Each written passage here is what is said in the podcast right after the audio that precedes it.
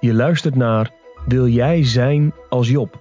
Deze podcast is een prekenserie van dominee Gert van den Brink en wordt je aangeboden door Geloofsterusting.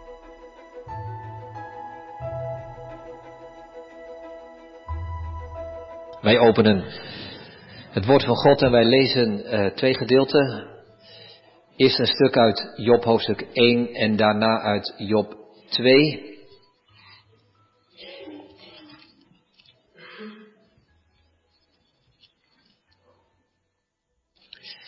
Dit wordt dan de vijfde keer dat wij bij dit Bijbelboek stilstaan. Uh, ik ga een beetje kriskras.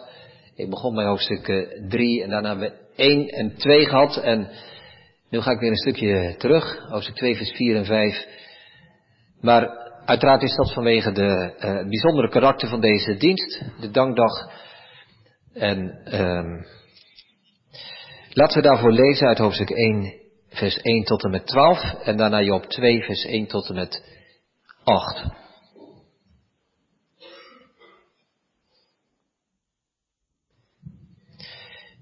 Job 1 vanaf vers 1 en die spreekt het woord van God.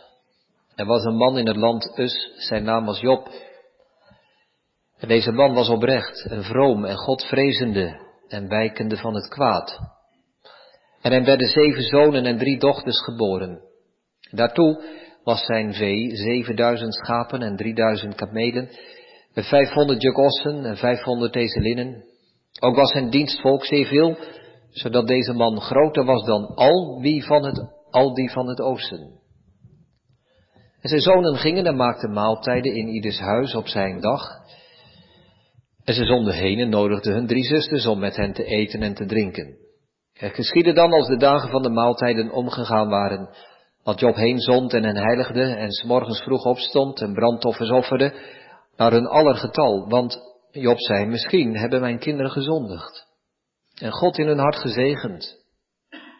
Vaarwel gezegd. Zo deed Job al die dagen. Er was nu een dag als de kinderen Gods kwamen om zich voor de Heere te stellen, dat de Satan ook in het midden van hen kwam. Toen zei de Heere tot de Satan, van waar komt gij? En de Satan antwoordde de Heere en zei van om te trekken op de aarde en van die te doorwandelen. En de Heere zei tot de Satan, hebt gij ook acht geslagen op mijn knecht Job? Want niemand is op de aarde gelijk hij, een man oprecht en vroom, godvrezende en wijkende van het kwaad. Toen antwoordde de Satan de Heere en zei, is het om niet dat Job God vreest? Hebt gij niet een betuining, een bescherming gemaakt voor hem en voor zijn huis en voor al wat hij heeft rondom? Het werk van zijn handen hebt gij gezegend en zijn vee is in menigte uitgebroken in het land. Maar toch strek nu uw hand uit en tast aan alles wat hij heeft, zo hij u niet in uw aangezicht zal zegenen. En de Heere zei tot de Satan, zie, al wat hij heeft, zij in uw hand alleen, aan hemzelf strek uw hand niet uit. En de Satan ging uit van het aangezicht des Heeren. Daarna volgt de beschrijving van de rampen die Job treffen. Al zijn bezit raakt hij kwijt en bovendien zijn tien kinderen. En dan in vers 21, dan vloekt hij, dan vervloekt hij God niet, hij zegent hem niet, maar hij looft de naam van de Heere. we lezen verder in hoofdstuk 2, we lezen daarvan vers 1 tot en met 8. Wederom was er een dag. Als de kinderen Gods kwamen om zich voor de Heere te stellen, dat de Satan ook in het midden van hen kwam om zich voor de Heere te stellen. Toen zei de Heere tot de Satan, van waar komt gij? En de Satan antwoordde de Heere en zei, van om te trekken op de aarde en van die te doorwandelen. En de Heere zei tot de Satan, hebt gij ook achterslagen op mijn knecht Job? Want niemand is op de aarde gelijk hij, een man oprecht en vroom, God vrezende en wijkende van het kwaad. En hij houdt nog vast aan zijn oprechtheid, hoewel gij mij tegen hem opgehitst hebt om hem te verslinden zonder oorzaak. Toen antwoordde de Satan de Heere en zei, huid voor huid en al wat iemand heeft zal hij geven voor zijn leven. Doch strek nu uw hand uit en tast zijn gebeente en zijn vlees aan, zo hij u niet in uw aangezicht zal zegenen. En de Heere zei tot de Satan, zie, hij zei in uw hand, doch verschoon, ontzie zijn leven. Toen ging de Satan uit van het aangezicht des Heren en sloeg Job het boze zweren van zijn voedsel af tot zijn schedel toe. En hij nam zich een potscherf om zich daarmee te schrabben en hij zat neder in het midden van de as. Tot zover de lezing van de schrift. Zoals gezegd, de tekstwoorden voor vanavond zijn Job 2, vers 4 en 5. Toen antwoordde de Satan de Heere en zei, huid voor huid en al wat iemand heeft zal hij geven voor zijn leven. Doch strek nu uw hand uit en tast zijn gebeente en zijn vlees aan, zo hij u niet in uw aangezicht zal zegenen. Wij schrijven boven de preek huid voor huid. De woorden die de Satan gebruikt, huid voor huid. We hebben drie gedachten. In de eerste plaats het spreekwoord van de Satan.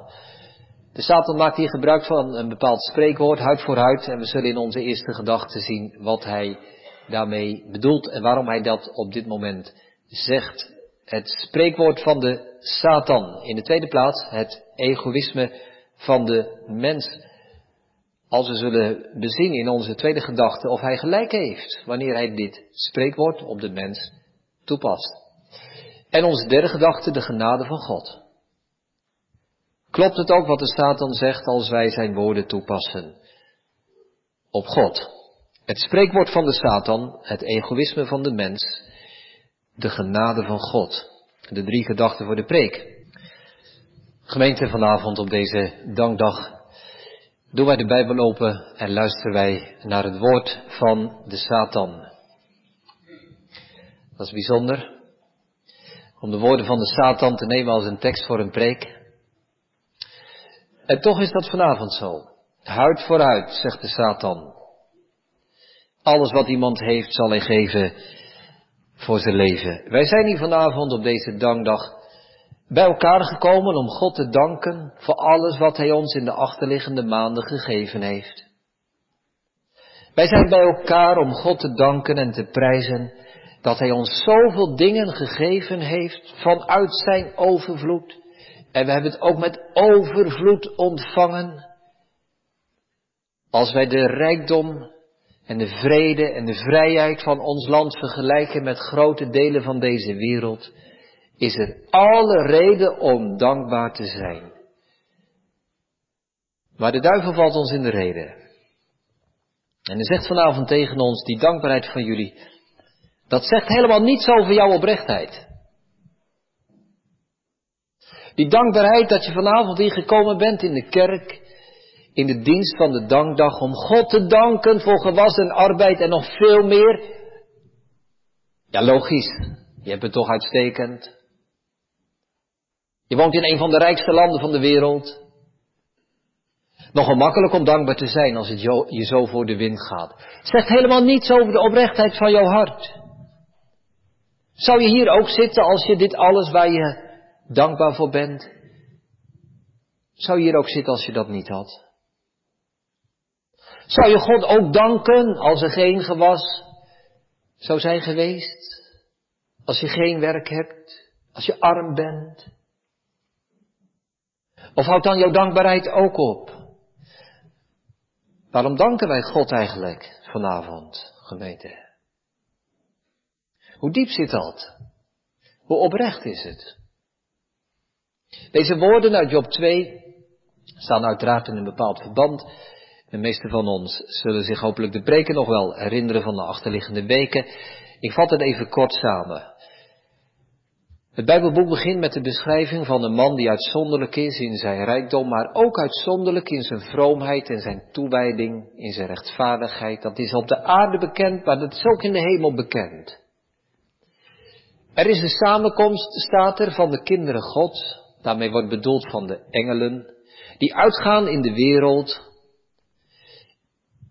En dat is niet letterlijk bedoeld, dat is meer een, een, een, een wijze van spreken, een beeldspraak, want God is alwetend, hij doorgrondt het hart, hij neigt het hart van de koning als waterbeken. Maar toch, bij wijze van spreken, God zendt zijn engelen uit in de wereld om te letten op de gedachten en de woorden en de daden van de mensen. Wat gebeurt er? Wat gaat er in ze om? En zij doorwandelen de wereld en ze komen nu bij God om verslag uit te brengen van wat zij hebben gezien en wat ze hebben gehoord. En te midden van die engelen staat daar ook de Satan. Dat woord Satan betekent aanklager. Hij gaat ook rond op de wereld. Hij legt ook zijn oor te luisteren. Wat zeggen de mensen? Hoe gedragen zij zich? Maar hij doet het met de bedoeling om ze aan te klagen. En God zelf brengt het gesprek op Job. Heb je mijn knecht Job ook gezien? Ja, zegt de Satan, die heb ik ook gezien. Ik weet het. Hij is oprecht en vroom en wijkende van het kwaad. Het is waar. Maar, zegt hij, is het om niet dat Job God dient? Hij heeft er vast een bedoeling mee. Job heeft een dubbele agenda. Hij is dankbaar uiteraard omdat hij zoveel van u krijgt. Maar als u dat alles van hem afneemt, dan zal hij u in uw aangezicht zegenen, vervloeken, vaarwel zeggen. En hij krijgt de vrije hand en we hebben gelezen of we hebben gehoord hoe dat in hoofdstuk 1 gebeurt. Het gebeurt toch niet uiteindelijk wat de Satan had gezegd. Want Job vervloekt God niet, maar prijst hem. Als we dan in hoofdstuk 2 beginnen te lezen, lijkt het wel alsof we een herhaling vinden van wat wij eerder hebben gehoord. Met deze voeging, toevoeging aan het einde van vers 3. En bovendien houdt hij nog steeds vast, zegt God, aan zijn oprechtheid. Hoewel gij, duivel, mij, God tegen hem opgehitst hebt om hem te verslinden zonder oorzaak.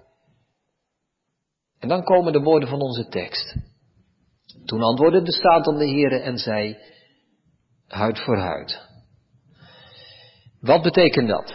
Het is een spreekwoord en het valt niet mee om de precieze betekenis van die woorden te achterhalen. Dat is in het Nederlands ook vaak zo.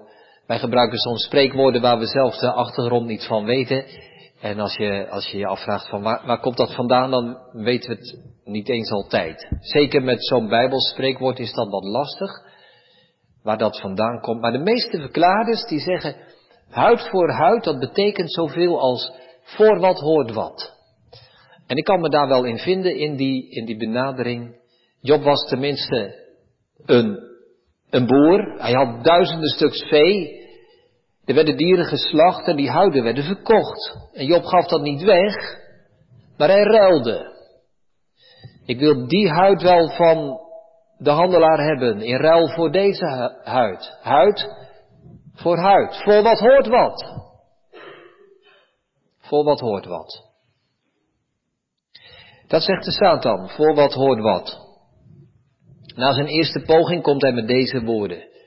Hij zegt, God, u weet het toch ook wel dat het zo toegaat in deze wereld? Voor wat hoort wat? Zo gaat het toe in de mensenwereld, in de onderlinge contacten. Zo verloopt de handel. Niets is gratis uiteraard. Voor wat hoort wat, huid voor huid. Zo gaat het in de politiek, als er een eh, kabinetsformatie is, dan wil iedere partij er wat uitzien te slepen. En als wij nu toegeven op dit punt, dan houden we vast aan dat punt, want voor wat hoort wat. Ja, we moeten er samen uitzien te komen en we proberen het zo te doen dat het een win-win situatie wordt en iedereen uiteindelijk tevreden is. Zo werkt het in de politiek. Zo werkt het ook in de kerk. Gaat het zo niet vaak in kerkelijke gemeenten? Er is een linkerflank en een rechterflank. Er zijn zware mensen, er zijn lichte mensen. Ja, we willen wel graag iemand van onze groep in de kerkenraad hebben. He, want als er iemand van de andere vleugel in zit, ja, dan willen wij dat ook. Voor wat hoort wat. En zegt de Satan, zo gaat het toch, God, ook tussen u en de mensen. Voor wat hoort wat. Zo gaat u met mensen om, zo gaan mensen met u om. Voor wat hoort wat, huid voor huid.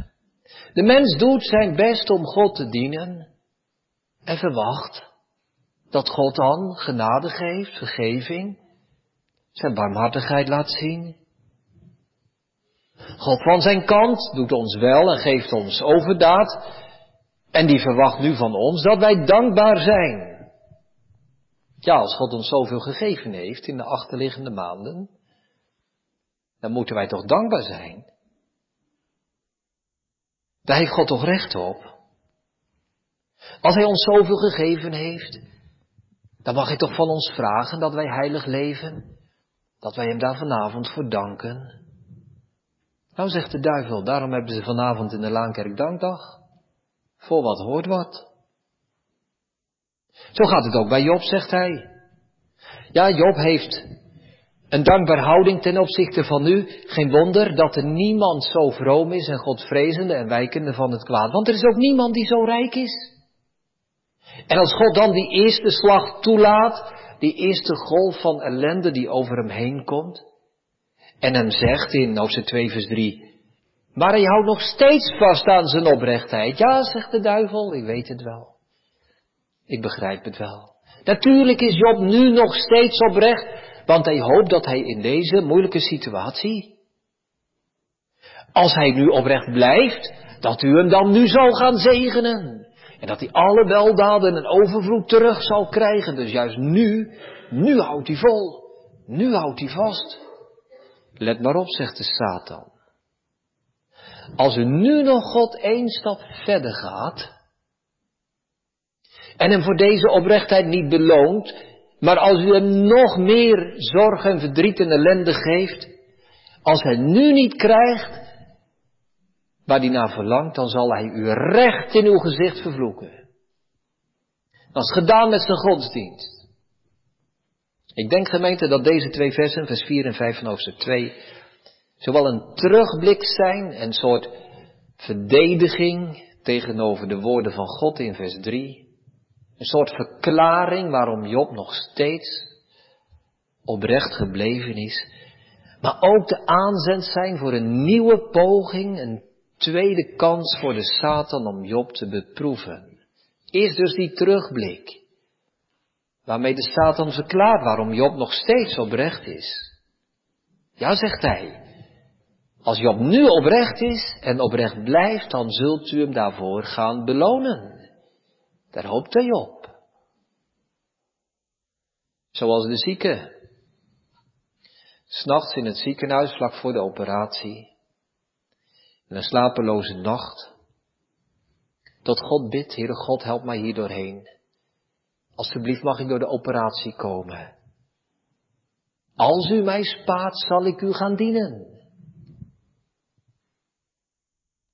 Het is als iemand die ziek is en die bidt, Heere God, mag ik genezen.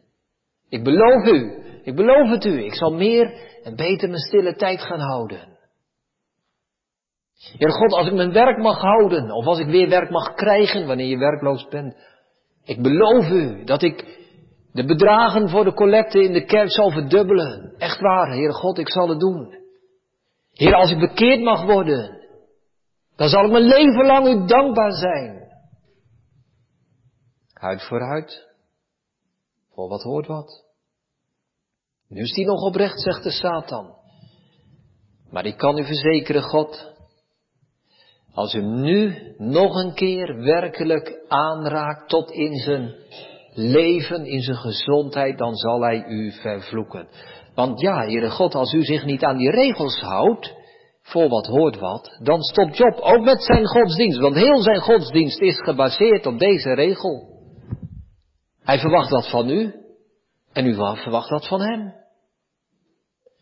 Onze eerste gedachte, het spreekwoord van de Satan.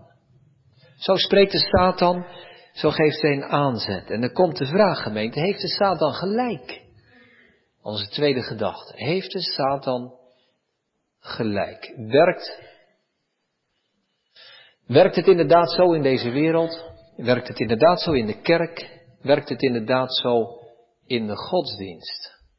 Voor wat hoort wat? Nou zegt iemand, het is wel de Satan, we moeten hem vooral niet uh, te serieus nemen. We moeten hem vooral niet op zijn woord geloven. Nou, dat kan waar zijn, want hij is de leugenaar van het beginnen. En tegelijkertijd, gemeente, wordt hij hier niet duivel genoemd, maar Satan, aanklager. En de aanklager weet dat hij sterker staat als hij een terechtpunt heeft dan wanneer hij een leugen inbrengt. Bovendien, Satan heeft een overvloed aan mensenkennis. Hij gaat de wereld door. Hij legt zijn oor te luisteren. Hij kent het hart van de mens. En is een goede psycholoog. De Satan heeft een overvloed aan mensenkennis. En hij weet, hij weet hoe een mens zonder genade zal reageren. Als rampen en ongeluk ons zullen treffen. Hij weet het. Hij is de aanklager. Hij probeert zijn zaak zo goed mogelijk neer te zetten.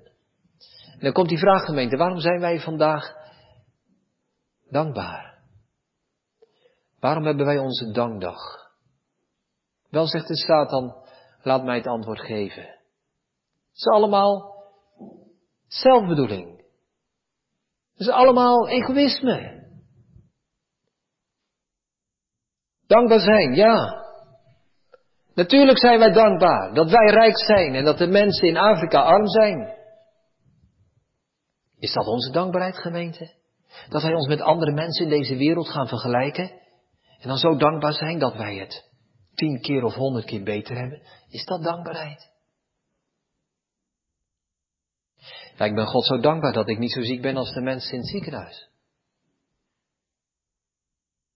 Ik ben God zo dankbaar dat ik niet zo diep gezonken ben als die junks, die daklozen hier in Rotterdam. Ik ben God zo dankbaar dat ik niet zo oppervlakkig ben als mijn buurman die nergens aan doet. Ik ben zo dankbaar dat ik niet zo bettisch ben als al die refo's om mij heen. Ik ben God toch zo dankbaar dat ik niet ben als die tollenaar daarachter in de tempel.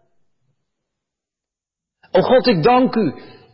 Dat was de taal van de fariseeër. De fariseeërs hebben ook een dankdag. Fariseeërs zijn ook zo dankbaar. En ze bidden en ze danken, Heere God, ik ben zo dankbaar dat ik anders ben dan andere mensen. Kijk maar, zegt de Satan, dat is jullie dankbaarheid. En laten we maar eerlijk zijn, gemeente. Laten we maar eerlijk zijn. Ook onze dankbaarheid kan bederven. Ook onze dankbaarheid kan slecht worden. Is onze dankbaarheid inderdaad misschien vaak een vorm van egoïsme. Dankbaar omdat we het zo verschrikkelijk goed en gemakkelijk hebben. En de pijn en de gebrokenheid van het leven netjes aan ons voorbij kunnen laten gaan. Is onze dankbaarheid alleen maar niet een zucht van opluchting, dat wij er niet zo slecht aan toe zijn als andere mensen in deze wereld? Is onze dankbaarheid misschien dit, dat ik zo blij ben dat jij ziek bent en niet ik? Dat jij verslaafd bent en ik niet. Dat die mensen in Afrika honger hebben. Laat hen maar honger hebben, wij niet. Ik ben zo dankbaar dat die ramp jou getroffen heeft en niet mij. Nou, zo, zo gaat de duivel ook rond, de Satan. En hij gaat door de gereformeerde gezinten en hij gaat vanavond door de Laankerk en hij zegt, wat is die dankbaarheid van die mensen? Hoe diep zit dat? Hoe oprecht is het? Is het niet een win-win situatie? Is het niet een ordinaire koehandel? God wat en de mensen wat? En ze proberen er allebei beter van te worden. Die godsdienst, hè, die godsdienst, is allemaal buitenkant. Het is allemaal vroom gedoe hoor. Je moet maar eens wat dieper gaan kijken naar het hart van de mens. Ik ken de mensen. Ik weet hoe ze zijn. Ik weet hoe ze denken. En daarom zegt hij erachteraan, al wat iemand heeft zal hij geven voor zijn leven. Ja, God, u hebt wel zijn bezit aangeraakt van Job. U hebt zelfs de kinderen van hem afgenomen. Maar zijn leven heeft hij nog en zijn gezondheid heeft hij nog. Als u daaraan komt, aan het naakte lichaam van Job, dan zult u zien wie Job werkelijk is. Alles wat iemand heeft zal hij geven voor zijn leven. Een mens verliest nog liever zijn God dan dat hij zijn leven verliest. Ik denk gemeente dat de Satan hier gelijk heeft. Ik denk dat hij gelijk heeft. Stel u voor vanavond dat er hier brand uitbreekt, hè? Dat er vanavond brand is en laat ik zeggen dat alleen deze deur, alleen deze deur een uittocht biedt. Daar kun je niet heen, daar kun je niet heen, daar kun je niet heen, de ramen gaat niet. En er wordt hier een brand en we moeten met z'n allen door die ene deur. Zijn we dan nog zo beleefd? Zeggen we dan de kinderen eerst en de oude mensen eerst, gaat u voor? Ik denk gemeente dat we over lijken gaan. Dat we allemaal proberen om het vege, naakte lijf van onszelf te redden en desnoods ten koste van anderen. Dat is de mens. Alles wat hij heeft, zal hij geven voor zijn leven. Ja, het kan aan de buitenkant allemaal wel zo vriendelijk zijn en zo sociaal en zo mooi. Maar zegt de duivel, breng iemand maar eens in een levensbedreigende situatie. Dan zie je wie die is. Dan leer je hem werkelijk kennen. En soms moeten we zeggen, gemeente, dat het niet eens zo ver hoeft te komen. Vandaag hoorde ik op het nieuws dat er een vrouw was opgepakt die penningmeester was van een of andere stichting, van een liefdadigheidsinstelling. Ja, liefdadigheid. En intussen 700.000 euro geroofd. Is dat een mens? Het kan allemaal wel zo mooi zijn aan de buitenkant, hè. Ik zet me in voor goede doelen. Ik ben godsdienstig, ik dank God. Het raakt ook onze godsdienst. Wat blijft er over gemeente van onze dankbaarheid, van die mooie buitenkant, als we diepe graven? Dan kom ik toch weer terug bij die vraag van het begin. Stel nu dat God niet geeft wat wij vragen. Stel dat de operatie komt en we bidden, oh God, help mij er doorheen. Alsjeblieft, maar de operatie mislukt. O Heer, ik ben zo ziek, maak mij beter. Zegen de handen van de doktoren, zegen de medicijnen. Maar je wordt alleen maar ziek, hè? Wat dan? Wat is dan jouw godsdienst? Uw godsdienst? Mijn godsdienst? Stel je voor dat je zo arm was als de mensen in Afrika. Of moet ik zeggen in Syrië, waar de helft van de bevolking geen eigen woning heeft en de kinderen verhongeren. Zijn we dan nog dankbaar, gemeente? Of vervloeken we God recht in zijn gezicht? Als dat dan godsdienst is, Heere God, waarom zou ik, misschien moet ik de vraag zo stellen, Waarom zou ik God nu zoeken? Waarom zou ik God dienen? Waarom zou ik eigenlijk bidden en Bijbel lezen als het mij niks oplevert? Waarom? Als ik er geen voordeel van heb, waarom zou ik dat dan doen? Er zijn mensen die afhaken, werkelijk, afhaken op deze vraag. Ik heb God er zo om gebeden voor die situatie, voor die persoon. En God deed niks. En die geliefde is toch gestorven. Wat heb ik aan die godsdienst? Wat heb ik aan God als Hij niet naar mij luistert? Dankbaarheid, hoe diep zit het?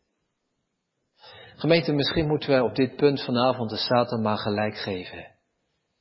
Dat dit de mens is. Arglistig is het hart. Meer dan enig ding. Ja, dodelijk. Wie zal het kennen? De mensenkennis van de Satan is groot. Maar er is toch één iemand die in zijn mensenkennis niet past. En dat is de Heer Jezus. Er is één iemand waar we zeker van kunnen zijn. Dat hij geen bijbedoelingen had. Dat hij niet gedreven werd door egoïsme. Dat hij zuiver en oprecht was toen hij zei, het is mijn eten en drinken om de wil van mijn vader te doen. Dit meende toen hij zei in de hof van Gethsemane, uw wil, laat uw wil geschieden onze Heere Jezus Christus. Die is de enige, de grote uitzondering. Zelfs Job niet, gemeente. Zelfs Job niet. Maar wel onze Heere Jezus Christus. En laten we daarom elke dag maar dat gebed bidden. O zo maak ons uw beeld gelijk. Laat iets van die oprechtheid van de Heere Jezus ook in mijn hart mogen komen. En dat mijn dankbaarheid geen dubbelhartigheid is. En dat mijn dankbaarheid geen egoïsme is. Onze tweede gedachte, het egoïsme van de mens. We gaan naar onze derde gedachte, de genade van God. Ja, Satan heeft gelijk. Huid voor huid. Vol wat hoort wat. Zo gaat het toe in de wereld. Zo gaat het toe in de politiek. Zo gaat het toe in de godsdienst. Maar er blijft één vraag over, gemeente. Doet God daar ook aan mee? Kunnen we ook de manier waarop God met ons mensen omgaat vangen onder dit principe, onder dit spreekwoord, huid voor huid, voor wat hoort wat? Is dat de manier waarop God met ons omgaat? Nou, gelukkig niet. Gelukkig niet, gemeente. Gelukkig niet. God is niet een God van een win-win situatie. God gaat met ons niet om op deze manier. Ik geef jou wat en jij geeft mij wat. Hebben we allebei wat? Gods genade is dat Hij uit goedheid, zonder pijl, ons het eeuwig zalig leven geeft. Als we die tweede gedachte, zoals we dat zojuist beluisterd hebben, gemeente tot ons door laten dringen. En onszelf een beetje kennen, dan zou je er moedeloos van worden en denken, ja maar, hoe kom ik hier uit hè? Als het zo is, en die zelfbedoeling en dat egoïsme en die onoprechtheid overal weer tussen kruipt. Hoe moet God dan wel niet over mij denken? Wat is mijn godsdienst eigenlijk waard? O, zo vaak zitten wij toch in die gedachte vast dat wij denken dat ook God zo aan dat spreekwoord onderworpen is. En dat God ook dat spreekwoord tot het motto gemaakt heeft. Waarmee hij met ons mensen omgaat. En dan denken wij, nou God geeft aan mij vergeving en dan moet ik hem heiligmaking geven. En als God mij nou genade geeft, hè, dan moet ik goede werken gaan doen. En als God nou, als God nou barmhartig is voor mij, ja, dan zal ik hem, dan zal ik hem mijn dankbaarheid geven. Maar het lukt niet zo goed. Om dankbaar te zijn, om heilig te zijn, om goede werken te doen. Misschien is er iemand die denkt, ja, ik moet er, ik moet er wel veel om bidden, hè, om een nieuw hart. Eén keer bidden is natuurlijk niet genoeg, bid er maar veel om. Ja, eigenlijk, eigenlijk bid ik er te weinig om, zegt iemand vanavond. Jij moet wel echt zoeken, hè? Echt, oprecht zoeken naar God. Jouw verlangen moet wel zuiver zijn. Ja, natuurlijk, als jouw verlangen naar God niet zuiver is, waarom zou God jou, waarom zou God jou aanvaarden? ik heb het al zo vaak gehoord, ja dominee, ik, ik zoek eigenlijk niet ernstig genoeg. Ik zoek niet oprecht genoeg. Het zit niet diep genoeg bij, bij mij. Soms heb ik een moment dat ik naar God verlang en dat ik wil zoeken, maar het is eigenlijk ook weer gauw weg, om eerlijk te zijn. Ja, ik moet, ik moet toch wel Gods eer tot het doel hebben, hè. Als ik nou God alleen maar zou zoeken omdat ik bang ben voor de hel en omdat ik ja, omdat, omdat ik zelf gered wil worden, ja. Dat, dat is weer dat eigen belang, hè. Dat is dan weer dat egoïsme. Ik moet toch eigenlijk wel op Job lijken, hè. Ik moet toch eigenlijk ook wel kunnen zeggen, de Heer heeft gegeven, de Heer heeft genomen, de naam des Heeren zij geloofd. Het moet mij toch wel echt om God gaan. Ja, dominee, eigenlijk, eigenlijk is dat niet zo. Ik ben zo bang dat ik niet dankbaar genoeg ben. Ik ben zo bang dat ik niet oprecht genoeg ben. Ik ben zo bang dat ik niet ernstig genoeg aan het zoeken ben. Ik moet toegeven dat ik niet vaak genoeg bid om een nieuw hart en om vergeving en om bekering. En dan denken ja, ik, ik kan ook wel begrijpen dat God mij geen genade geeft. Want voor wat hoort wat toch? Voor wat hoort wat. Ja, God wil wel dat het echt is bij mij, want anders. Als ik zo tekort schiet, schiet, ja, dan kan ik toch eigenlijk niet meer denken dat God mij vergeving en genade en zaligheid en rechtvaardiging en een nieuw hart en heiligmaking geven zou. Waar, waarom zou God? Waarom zou God mij dat geven? Hij heeft daar totaal geen voordeel van. Nee gemeente, God hoeft er ook geen voordeel van te hebben. Want God werkt niet volgens de gedachte voor wat hoort wat. Huid voor huid. God doet niet aan ruilhandel hoor. God geeft. God geeft. Vrij uit, uit genade. Verderop in hoofdstuk 41 van dit Bijbelboek komt, denk ik, komt God terug op deze woorden. In hoofdstuk 41 vers 2 staat er, wie treedt mij tegemoet, zegt God, zodat ik het hem zou vergelden? Wat onder heel de hemel is, is van mij. God zegt, ik heb helemaal niks van jou nodig, ik heb alles al. Ik heb alles al. Er is niemand die mij rijker kan maken. Er is niemand die mij iets geven kan waar ik mijn voordeel mee kan doen. God heeft alles al. God hoeft niet met ons te ruilen. Paulus noemt dezelfde gedachte in Romeinen 11, vers 35. Of wie heeft hem eerst gegeven en het zal hem weder vergolden worden? Niemand. Niemand. God hoeft zijn eigen voordeel niet te zoeken, gemeente. God heeft alles al, dus zo'n dus zo'n oude uitdrukking. Toch wel een mooie uitdrukking. God wordt van het inhouden niet rijker en van het uitdelen wordt hij niet armer. En daarom deelt hij zoveel uit. Dat is de genade van God, gemeente. Dat is de genade van God. Dat hij niet meedoet aan huid voor huid. Dat hij niet meedoet in zijn relatie tot ons. Volgens het principe voor wat hoort wat. En daar loopt heel deze beproeving en deze verzoeking van de Satan op stuk. Niet niet op de vasthoudendheid en de dapperheid van Job hoor. Job is hier niet degene die stand houdt en waar de duivel op stuk loopt. De Satan loopt stuk op de genade van God. De Satan loopt erop stuk dat God niet te vangen is in zijn satanische spreekwoord. Weet u wat God zegt, gemeente, tegen ons vanavond? eerste versje dat wij onze kinderen leren. Psalm 81, vers 12. Doe je mond wijd open. Ik zal hem vervullen.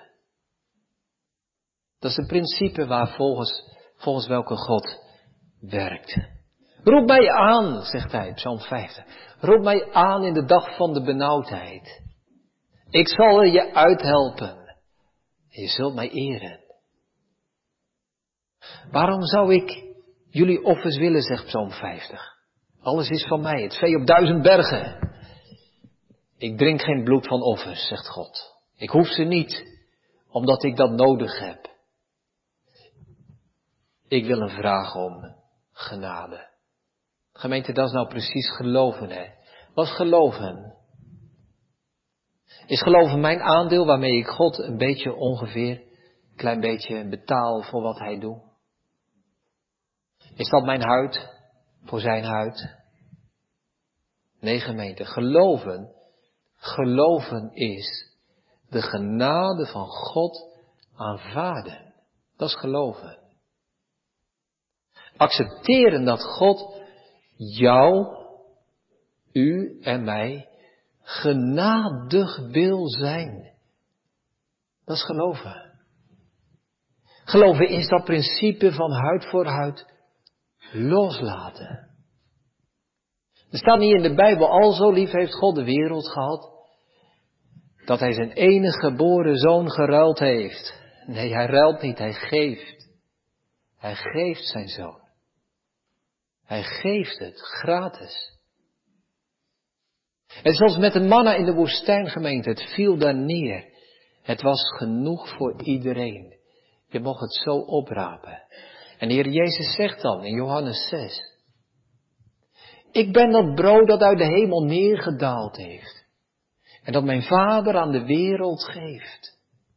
Hij geeft het. Dat is de genade van God. En dat is het geloof. Dat is het geloof. En vanavond mag u, mag jij geloven. Ja, maar is dat wel voor mij? Is dat wel voor mij, die goedheid en die genade van God? Het is voor iedereen die het gelooft. Het is voor ieder die het gelooft. En als je het niet gelooft, is het niet voor jou. Maar dit is die genade van God, dat Hij niet meedoet aan het duivelse principe van huid voor huid. Gemeente, nu gaan we nog een keer die vraag stellen. Waarom zijn we vanavond hier? Om God te danken. Zijn we hier om Hem te danken als een soort tegenprestatie voor alles wat Hij ons gegeven heeft? Zijn we hier omdat wij danken, dankbaar zijn in vergelijking met al die andere mensen in de wereld die het zoveel slechter hebben dan, dan wij? Nee, gemeente, onze dankbaarheid moet niet ontstaan uit de vergelijking met andere mensen. Ik dank God vandaag niet omdat ik meer krijg dan de mensen in Afrika of dan wie dan ook. Maar ik dank God vanavond omdat ik meer krijg dan ik verdien. Ik moet mijzelf niet met anderen vergelijken. Ik moet mijzelf met mijzelf vergelijken. Ik moet mij afvragen wat God mij zou moeten geven. Niet. En ik moet zien wat God mij geeft. Zoveel. Zijn genade. Laten wij ons vanavond niet vergelijken met andere mensen. Oh God, ik dank u dat ik niet zo ben als die ander.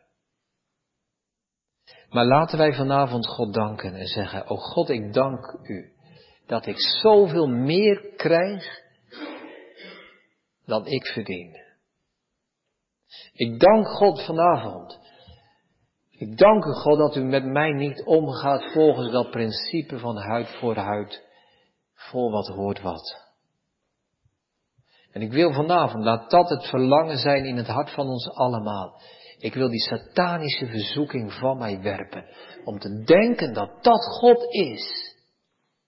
Dat God zo met mij omgaat dat hij toch in ieder geval een tegenprestatie van mij wil zien.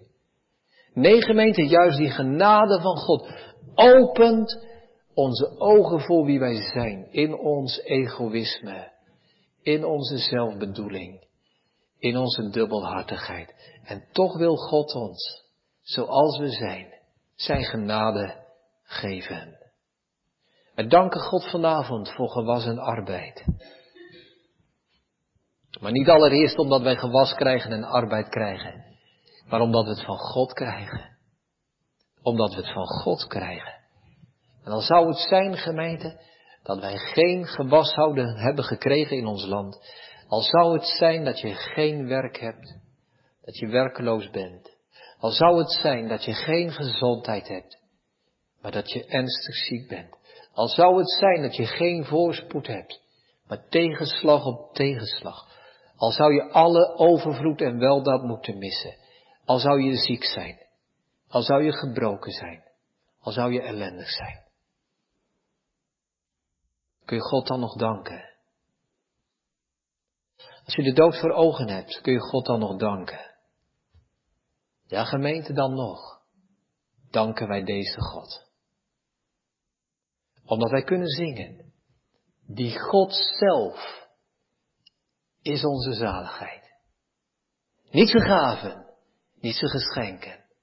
Die God is onze zaligheid. Wie zou die grote majesteit dat niet met eerbied prijzen?